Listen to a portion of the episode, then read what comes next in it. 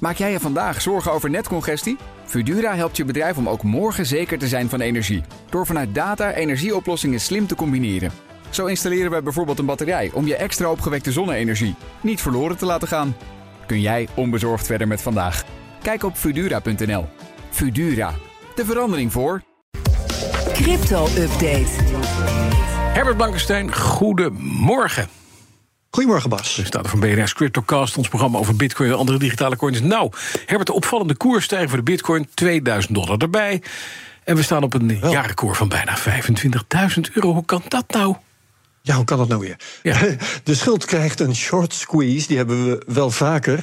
Mhm. Dat is eh, ja, het uitblijven van een daling, terwijl er wel op grote schaal op was gegokt. Mhm. En dan heb je van die short sellers die moeten kopen om aan hun verplichtingen te voldoen. Ja. Ja, dan stijgt de prijs, vind je het gek. En eh, krijgen steeds meer short sellers, steeds meer haast. En gaan ze steeds duurder kopen, gaat die koers als een raket omhoog. Ja. Ja, ehm, als dat de verklaring is, dan moet deze prijs eigenlijk maar kort stand houden. Eh, maar in elk geval klopt het wel met het feit dat de bitcoin het meest stijgt. De andere coins zijn vrij rustig. Eh, bitcoin 7% erbij deze week. Eh, als je een hogere koers wil zien, moet je naar half juni vorig jaar. En de Ether had 2% winst, toch alweer eh, bijna op 1700 dollar. Ja, nou in ieder geval ietsje lucht voor de eh, belegger die eh, al grote verliezen zag. Maar toch. Ja. Oh, en dan, het volgende, of het de next big thing is, is niet helemaal duidelijk. Maar er is wel een nieuw ding in crypto en dat heet ordinals. Dat heeft te maken Ja. met NFT's. Wat is dat dan weer? Ja, Oh. Nee, NFT's zoals we die kennen, ja, Ja. zucht, ver- ja, verveling. Ehm, NFT's eh, eh, worden vastgelegd op de blockchain van nou ja, eh, coins als Ethereum of Solana. En Bitcoin was altijd afwezig daarbij. Het verhaal dat ik ook vertelde was altijd. Non-fungible tokens zijn stuk voor stuk verschillend. Hè? Elk tokentje is een ander ding. Eh, bitcoins zijn juist fungible, zijn allemaal hetzelfde. Net als eh, gewoon geld, euro's en dollars. En nou is er een nieuw technisch trucje in eh, de afdeling bitcoin. Dat heet ordinals. En dat verandert dit. Met, met terugwerkende kracht notabene zijn niet, alle bitcoin, niet, niet, niet alleen alle bitcoins genummerd... nee, alle satoshis. Oké. Satoshi is het kleinste onderdeeltje van bitcoin dat er bestaat. De cent uit de bitcoinwereld zou je kunnen zeggen. Er gaan er 100 miljoen van in een bitcoin. En nu hebben we opeens 19 miljoen bitcoins in omloop... die allemaal bestaan uit 100 miljoen genummerde non-fungible satoshis. Dus genoeg NFT's voor iedereen. Oké, maar wacht even. Een NFT is meestal toch een plaatje of een, of een, een digitaal bestand. Is dat, is dat dit ook? Is dan zo'n Satoshi, Nou, kan je dan ook een, een, een NFT laten zijn? Het kan wel, van nature niet. Maar als Nee. je zo'n Satoshi overboekt, dan krijg je een transactie in de blockchain. Ja. En aan die transactie kun je een bestand koppelen. Dat kon altijd al eigenlijk. Eh, dat bestand komt dan zelf ook in de blockchain te staan. En de afgelopen paar weken is een hele Bitcoin NFT-koorts ontstaan. Er zijn prijzen betaald tot meer dan 9 Bitcoin. Ja, reken maar uit. Voor één zo'n Bitcoin NFT.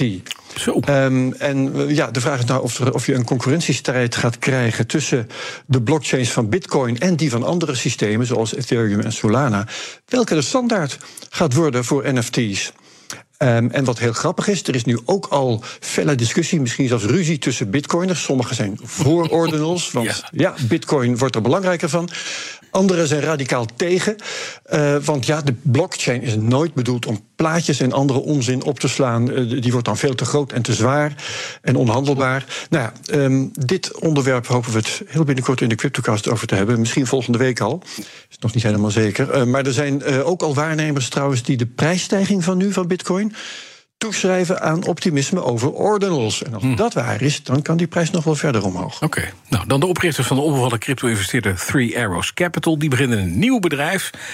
En dat is eigenlijk iets waar ze zelf ervaring mee hebben. Een beurs in schulden van omgevallen cryptobedrijven. Ja, mooi. hè? Het is echt hondsbrutaal. Ja, De heren, we wisten al dat de hondsbrutaal waren trouwens. Su en Kyle Davies, die beginnen een open exchange. Eh, willen ze doen binnen twee weken. En dan kun je inderdaad handelen in die schulden. Eh, als je nog zin hebt in riskant beleggen. Eh, kunnen dus ook schulden aan 3AC, Three Arrows Capital, zijn. Ehm, voor het gemak gaan ze die schulden eerst omzetten in crypto-tokens. Want ja, dat is modern en dat handelt lekker makkelijk. En die kun je dan in hele kleine stukjes opdelen en makkelijk aan elkaar overmaken vanuit een wallet. En uh, de heren die zeggen die markt die is wel 20 miljard waard. Want je hebt claims tegen FTX, tegen Voyager, Celsius, Genesis, BlockFi. Zelfs Mt. Gox, de uh, gefaalde cryptobeurs uit 2014. En uh, ja, wie claims heeft op zulke bedrijven, die kan die dan op die beurs te gelden maken. En daar zullen heftige kortingen gelden, hè, want of zo'n claim wordt gehonoreerd ooit, dat is maar de vraag. Dus dat wordt een spannende markt. Maar dan heb je als um, creditor, als uh, schuldeiser, in elk geval een deel van je geld terug. En hoef je niet te wachten op rechters en dat soort langzame processen. Uh, meneer Jou en meneer Davies zoeken nog wel 25 miljoen investeringsgeld. En dat is ook spannend of ze dat gaan krijgen. Zeker. Dan, het IMF zegt dat El Salvador ontkomen is aan cryptorisico's, maar nog niet nog meer bitcoins moet kopen. Want dat wilde de president, nee. geloof ik, heel erg. Hè? Ja, dus, uh, het plan was om elke dag een bitcoin te kopen. Ja, precies. Dus uh, ze, volgens mij zijn ze daar gewoon mee bezig. Nee, dit is een heel grappig bericht. Want het IMF heeft altijd gewaarschuwd voor wat er in El Salvador gaande was. Hè. Monetaire instabiliteit zou dreigen, maar ze zeiden er nooit bij wat dat precies is. En nu geven ze toe dat er eigenlijk helemaal niks ergs is gebeurd. Hm sinds El Salvador um, dat bitcoin wettig betaalmiddel maakte. Um, volgens het IMF is er niks ergs gebeurd, vooral omdat bitcoin weinig wordt gebruikt daar, en dat is ook waar. Um, en ik vind het wel netjes, ze doen niet triomfantelijk over de koersdalingen sinds uh, El Salvador uh, 2000 zoveel bitcoins heeft gekocht. Dus dat vind ik wel chic van ze. Uh, die waarschuwing uh, die kan te maken hebben met de voorbereiding voor de Bitcoin-bonds, de Bitcoin-obligaties, waarmee El Salvador de bouw van die rare Bitcoin-stad wil financieren. -hmm. Daar hebben ze pas een voorbereidende wet voor aangenomen. Maar ja, weet je, uh, wat is het nieuws? Het zou pas echt nieuws zijn als het IMF zei... het gaat prima in El Salvador. doen, ja, precies. Dat uh, doen ze nog even niet. Daar moeten nee. ze nog aan wennen, denk ik. Uh, maar benieuwd wat ze over een jaar te zeggen hebben. Misschien dat ze dan nog wat gas terugnemen. Dan, een local bitcoins. Dat gaat ermee stoppen, eind van het tijdperk, hè? Ja, Local Bitcoins um, was uh, een van de eerste peer-to-peer bitcoin-beurzen. Dus een soort marktplaats, maar dan voor bitcoins. Hè. Ik heb een bitcoin, wie wil van mij een halve bitcoin kopen... Mm -hmm. of twee halve bitcoins?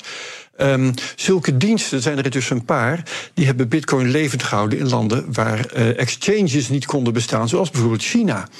Maar local bitcoins was ook groot, bijvoorbeeld in Venezuela, in Colombia, een jaar of tien geleden.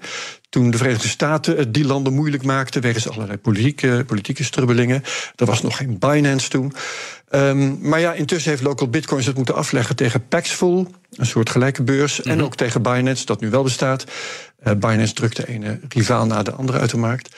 Um, local Bitcoins zelf uh, geeft de schuld aan de berenmarkt die we hebben. Ja. Maar ja, ze zijn gewoon niet met hun tijd meegegaan. De gebruiksvriendelijkheid deugt niet en zo. Dus ze hebben het ook een beetje aan zichzelf te wijten. Duidelijk. Maar misschien kunnen ze nog eventjes terug naar de heren Zoe en Davies... om uh, te kijken hoe je uiteindelijk uh, schuld... Ja. ja, je weet maar nooit. Gewoon een nieuwe beurs beginnen. ja. ja. Wat heb je in de CryptoCast deze week? Durf investeren, ja, nou, dat is uh, ook een goed idee natuurlijk. In crypto, wie daar nog zin in heeft. Hoe gaat het daarmee in, in de huidige slechte markt? We hebben venture capitalist Balder Bomans. Die was in december 2021 bij ons op de top van de markt. Had toen 105 miljoen euro te besteden. Ja, hoe is het daarmee gegaan? Waar hm. heeft hij dat in gestoken? Wat heeft dat opgeleverd? En ja, zo'n crypto crash, als we sindsdien hebben, zorgt dat voor hem nou voor verliezen of voor kansen. Ik denk van allebei een beetje.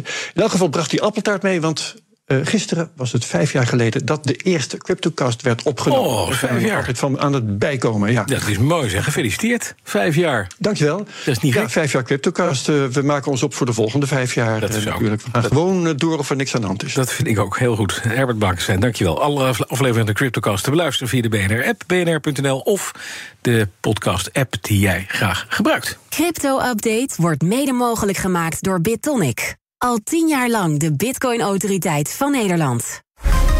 Maak jij je vandaag zorgen over netcongestie? Fudura helpt je bedrijf om ook morgen zeker te zijn van energie. Door vanuit data energieoplossingen slim te combineren.